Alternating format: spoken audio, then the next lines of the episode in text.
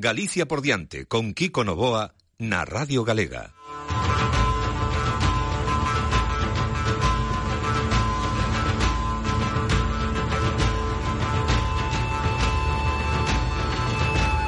Así que isto é eh, para para serie, pero de varias temporadas, eh, non de un par de episodios o que lleximos contar agora. Ou polo menos é o que me prometeu onte Manolo Gago. Mano, moi bons días. Moi bo día. Dicíasme, isto é pois, unha historiaza que vamos, que rititi dos, dos seríais estes venezolanos. Bueno, é que tiñades que ver en este momento a miña mesa porque teño feito aquí un diagrama para intentar entendelo eu mesmo. é dicir, todas estas tramas que ten esta que ten esta serie en potencia que daqui daqui imos falar hoxe, eh? porque imos falar dunha das familias, eu creo que máis carismáticas, emblemáticas da dentro dos séculos 15 e 16 en Galicia, que son os Fonseca. Mm? Mm. Unha familia de arcebispos, porque antes algúns arcebispos pois podían, é unha das cousas que vamos ir herdando, eh, podían ir herdando, digamos, os arzobispados tranquilamente ou vinculando, non? Porque eh, onte, eh, 4 de febreiro, pois se fan eh, 477 anos da morte de Alonso III de Fonseca, o último o último dos Fonsecas que, que tivo, digamos, poder de revispo en Santiago, é dicir, hai, hai eh, morreu en 1534 en Alcalá de Henares. Eh, foi unha persoa que deixou unha pegada enorme eh, en Galicia, pero que era un personaxe pois bastante curioso, porque to, en realidad é toda esta familia, eh? porque é un pouco estas historias do século XV a XVI que a veces xa aparecen tamén nas series de televisión, estou recordando, por exemplo, esta serie Osborgia, non? Sí, Lembrala, sí, sí. esta Osborgia con todo este sarío que no que religión, corrupción, familia, asasinatos, envenenamentos, todo todo isto se cruzaba, non? Era un pouco esa imaxe que temos do Renacemento, que curiosamente, por un lado, é un, era esta época na que de repente parece que volven a, a florecer as artes, as ciencias, a literatura, a, o gozo de vivir, pero por outro lado, eh, parece que eso non vai tiña que ir aparellado pois de moito sangue, non? en todos en todos esos estilos, non? Entonces isto pasou con con esta familia. Mira, Mira, este era Fonseca III que morreu, pero eh, se si había un Fonseca III, que había un Fonseca II e un Fonseca I. ¿Mm? Hm? Sí. Entón, todo este lío xa empezase a prometía xa co seu avó, Fonseca I, que era arcebispo de Sevilla, ¿Mm? xa no século XV, eh, no, durante o reinado de Enrique IV. Eh, bueno, pois pues este home, eh, aquí empeza todo todo follón, porque este home era arzobispo de Sevilla e conseguiu colocar ao seu sobrinho de arzobispo de Santiago. Anda. ¿Mm? Sí, pero, pero era un chavalín. Era un arzobispo, claro, hoxe en día vemos os arzobispos son todos, pois, a señores ben, ben, asentados Sí, na sí, vida. E- vamos. Pero daquela, vamos, tiras un chavalín con 15 anos, 16 anos, pois por que no? por, por que no arzobispo? Vive intensamente. Eh, entón, que pasa? Sí, sí, sí. Ese podía ser o Entón- lema, entón- non? Efectivamente, si no, daquela vivía moi intensamente os arrevistos, eh, en todos os sentidos. Eh, e que pasa? Claro, era un rapaciño, eh, o mandaron aquí para pa Santiago, o reino de Galicia era un pouco como, vamos, eu creo que en Xogo de Tronos eh, aquelo é Arcadia Feliz comparado co que, que podía ser o reino de Galicia no século XV, no que había 50.000 familias enfrentadas entre sí, máis ou menos como a hoxe, non? Sí. Pero, pero, pero daquela con armadura. Eh, eh, entón, eh, eh, o sobrinho, este rapaz, pedillo axuda ao seu, ao seu tío, que a rato despois lle dixeron venme aclarar isto porque que eu non dou enterado nin en Santiago eh, que teña os burgueses por un lado os nobles do norte, do sur, do oeste. Como o arzobispado de Santiago era o terreno feudal máis rico, pois, pois claro, eh, que todo o mundo os atacaba, non? Entón fixeron unha permuta, eh, cambiaron o arzobispado de Sevilla por o arzobispado de Santiago, Así que Fonseca primeiro, o tío, veuse para Santiago e Fonseca segundo foise para Sevilla. Cambio radical ¿Sí? tamén, eh? Cambio radical. Entonces ah, veuse a dar tortas, a repartir leches aquí a Leña eh, a Fonseca primeiro, e meteuse no medio de todas as guerras que había aquí. E mentres Fonseca segundo estaba co seu pescaito frito, o seu flamenquiño, o calorciño en Sevilla.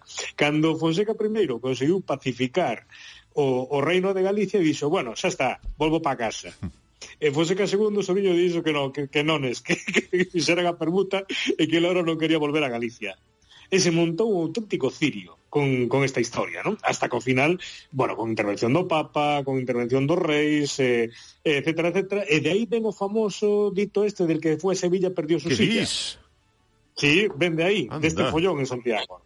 É dicir, foi, vexemos, se largou, pois listo, perdiches a silla. Esta é unha frase que se di eh, fora de Galicia tamén, non, non é unha frase... Sí, sí, sí, sí, bien, anda, e, ven, e ven eh. de aquí, anda, que curioso. Ven, ven deste follón, do, da, da, digamos, do sarillo que fixeran Fonseca primeiro, Fonseca segundo, para intentar aclararse. Por encima que lle fixeron un favor ao tío sobrinho, pois pues o sobrinho despois mira como lle devolveu, que non quería volver, dixo, non, non, eu, co, co frío que vai a lá, que a chuvia, eu quedo en Sevilla estupendamente. Eh, e eh, eh, pasou eso, non? Pero bueno, ao final tivo que volver. E cando volveu, eh, resulta que pasou o seguinte, que tamén é parte deste culebrón que, que estamos eh, que vamos a contar. Resulta que eh, os Fonseca, que nos arzobispo de Santiago, se levaban moi mal co Souto Mayor, hmm. que eran os señores do sur de, de Galicia, os grandes señores do sur de Galicia. Sí. Entón, o gran señor que había daquela era Álvaro Páez de Souto Mayor, era o xefe da casa, que estaba casada ca señora de Cambados, que era María Dullo, unha muller, parece ser, moi fermosa. Que ocorre? que eh, Álvaro de Soutomayor, Álvaro Páez de Soutomayor, eh, como se dicía na época, vale? Eh, como se dicía na época, se, se dicía de unha maneira moi curiosa, se dicía que non era home para mulleres. Que quería dicir, dicir, máis ou menos, que non... Era homosexual. Ah, vale, vale, vale, non pillara eu iso. Entón, casara con María de Ullúa, pero era homosexual e non tiñan fillos. Uh -huh. Entón, durante o asedio irmandiño a Tui, eh, Tui resistiu un ano rodeada polos irmandiños, e nese asedio, pois, morreu Álvaro Pérez Sotomayor, e non tiñan fillos. Pero ele adoptara a seu medio irmán bastardo, hmm. que era Pedro Madruga. Me vas, vas me seguindo? Por... Ui, agora xa acabasme de matar. Era Pedro Madruga. Efectivamente. Entón, eh, Álvaro Páez adoptou o seu medio irmán bastardo. Sí. Este, a Pedro, o famoso Pedro Madruga. Sí. Que era outro segundo maior. Sí. Que foi quen, ao final, acabou guardando todo. E María de Ulloa quedou sen nada de ranza. E fíxose amante de Fonseca II, do sí. arzobispo de Santiago. Pero era homosexual. Do... Non, Fonseca II non. Quen era homosexual? Aí xa me perdín. Álvaro, o, seu, o home de María de Ulloa. Vale, Álvaro vale, Paz, vale, agora sí, vale. Eh, efectivamente. Sí. Entonces, eh, eh, Fonseca II, para nada. Sí, sí, sí. Tanto, digo, puedo, mucho demostrar, pero, pero entón, entón quedou, digamos, eh, Mario Ulloa se sí. foi, eh, se fixo amante do superenemigo do Soutomayor, sí. no norte. Mm? Eh, eh, eh, entonces, bueno, as, as loitas entre Sotomayores e Fonsecas continuaron, pero o caso é que Mario Ulloa acabou tendo un fillo do arzobispo de Santiago, de mm. Fonseca II e que sería o posteriormente Alonso de Fonseca III ¿Mm? do que estamos agora celebrando a súa morte sí. e tivo na, no Franco entón se miran no Twitter de Galicia por diante ou no Facebook ou no Instagram van a ver que hoxe eu falei deste tema diante dunha porta dunha porta, sí. o, dunha porta, efectivamente. Bueno, pois esa porta está no colexo de Fonseca, en Santiago, que foi un colexo que fixo Alonso III. E esa porta, eh, alén da conta, que é unha especie de homenaxe oculto á súa nai porque en teoría esa porta a lenda conta que foi feita xusto no sitio no que el naceu, nunhas casas que tiña a súa nai ali. Entón esa porta de alguna forma está testemunhando o lugar no que el, no que el naceu. Hm? Anda que non hai ninguna inscripción que o di, pero si sí sabemos que a María Dullo, a súa nai, tiña, tiña, ali, tiña ali no Franco, tiña, tiña digamos, as súas casas, ben pertiño do, do Pajo Arzobispo. ¿Mm? Entonces, eh, eh, eh, bueno, Alonso de Ulloa III, este rapaz, acabou sendo, bueno, creo que foi cura de Santa Comba con 16 anos, tamén 15 anos, unha cousa así. Carai. E dicir, aí xa che digo que todos moi precoces, eh? Arcediano de Cornado, e dicir, toda a serie de dignidades un pouco para recibir rendas, e ao final, pois, o seu, o seu pai quería que herdara o arzobispado. Claro, isto era unha... Desde o punto de vista, era un escándalo, basicamente. Pero que pasa? Os Fonseca eran moi amigos do rei. Axudaban moito o rei, en este caso Fernando Católico. Non? Entón, convenceron ao rei para que o Papa, para que presionara o Papa, para que o arzobispado de Santiago pudiera pasar de pai a fillo. ¿Mm? Bueno, iso é eh, brutal, eh? eh? O arzobispado pasa de pai a fillo, isto é unha cousa... Directamente. A, a, hasta o punto, o tema era tan escandaloso que o famoso cardeal Cisneros, que era o carrer, un dos grandes cardeais de España, se cabreou e chegoulle a dicir o rei agora que resulta que os arzobispados se pasan de pai a fillos, se, se o primogénito unha filla tamén pasa ao arzobispado para a filla. Eh? É dicir, che chegou a dicir para que o rei directamente, non? Entón fixeron unha xogada que se soubou pouco, que é a asistencia en Santiago dun arzobispo fantasma. Un, un arzobispo que non está nos registros oficiais. Que isto é unha cousa increíble. É dicir, cando te listas a lista dos entre sí. Fonseca segundo e Fonseca terceiro, uh -huh. eh, non hai ninguén. Entre Fonseca segundo e Fonseca terceiro non hai ninguén, pero houve alguén.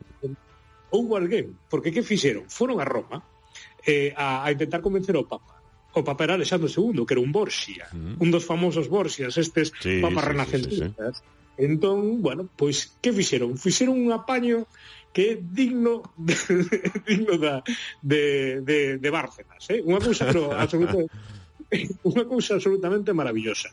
Colleron, eh, que fixo o Papa? Como era un escándalo pasar directamente ao arzobispado do pai a fillo, o que fixeron foi que Alonso de Fonseca II renunciara entón o sobrinho do Papa, que era cardeal tamén, Pedro Luis de Borxa, eh, colleu pasou a ser arzobispo de Santiago durante uns meses e despois dimitiu.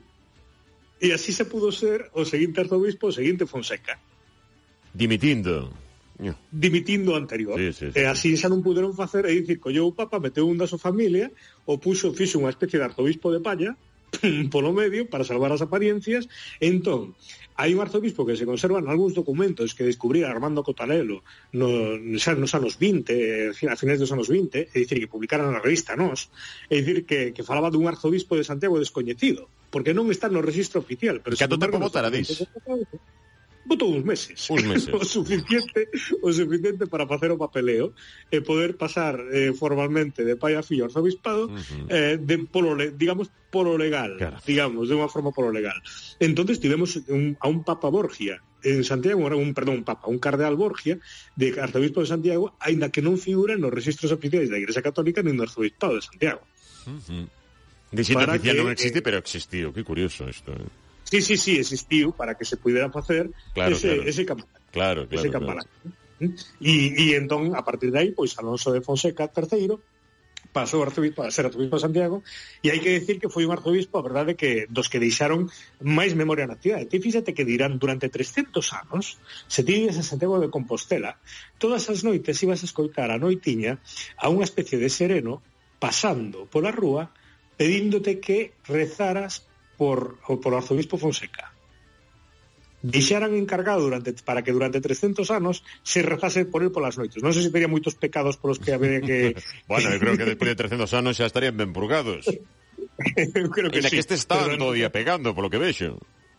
Ah, non, non, sí, sí, é dicir, pero ademais Fonseca, eu tiven a, a a, o privilexio e a sorte de poder eh, en a exposición Galiza un relato ao mundo eh, puidemos tener algo absolutamente maravilloso porque Fonseca era un home moi culto foi o que intruxo o renacemento a Compostela. De repente foi o que cambiou o claustro da catedral e fixo un espectacular claustro renacentista foi o que dotou aos antigos estudios eh, de Santiago sí, e os, sí. os lles deu, digamos, estes edificios que se teñen tan bonitos de, do Colexo de San Serome, do Colexo de Fonseca, eh, e, e a promover moitos estudios, era erasmista, é dicir, el defendía eh, a reforma, digamos, da, da espiritualidade cristiá. Despois de todo isto, eh, é dicir, entonces, tive o privilexio de traer a exposición de, de Galicia Relato no Mundo as cartas manuscritas que o gran intelectual da Europa do momento, Erasmo de Rotterdam, se mandaba con él porque eles se carteaban. Sí, sí, sí. Entón, eh, tiñamos, pudemos traer as cartas manuscritas nas que pois falaban un pouco dos libros que iban sacando, de, de un pouco de, digamos, de cuestións de teolóxicas e de espiritualidade que estaban vinculadas a, a ¿De onde este viñeran esas, esas cartas? Eh, eh, estas cartas estaban en Madrid, estaban en Madrid, pero creo que nunca fueron exhibidas, que me echaba moita atención ese tipo de cousas. Eh, e a verdade é que están, están, están, eran moi bonitas, estaban muy escritas, porque ademais Fonseca patrocinou eso, pero patrocinou tratados de arquitectura, moveu moitísimas cousas, e despois foi un gran defensor do, do Reino de Galicia. De feito, como di Perfecto Saavedra, foi tan defensor do Reino de Galicia que, que o rei lle fixo un ascenso a Búlgara decir, mandou uno para Toledo, que era o arzobispado primado de España, o máis importante, un pouco para sacar un poquinho do rollo de Galicia, porque lle estaba repesando un poquinho Galiñeiro. Eh, entón, pois, fixolle un ascenso a Búlgara en, en ese momento, non? Unha, unha figura tremendamente importante que, sin embargo, por increíble que pareza, aínda falta unha biografía moderna sobre este sobre esta persoa. Casi todos os datos que temos e para facer esta columna, se sí, sí, tiven sí, que andar sí, movéndome. Pois pues veña, eh, mano. Alguén ten que empezar. Ui, pois eu convido a alguén, eh, que eu ando moi liado. Non, non, non me deixes caer, non me deixes sutilmente caer caer eh, propostas. Eh, ti metes en todos os fregados se podes con isto máis. Manu Gago, un bigo moi, moi forte, boa fin de semana. Un placer. Que chegan as noticias, son as 12.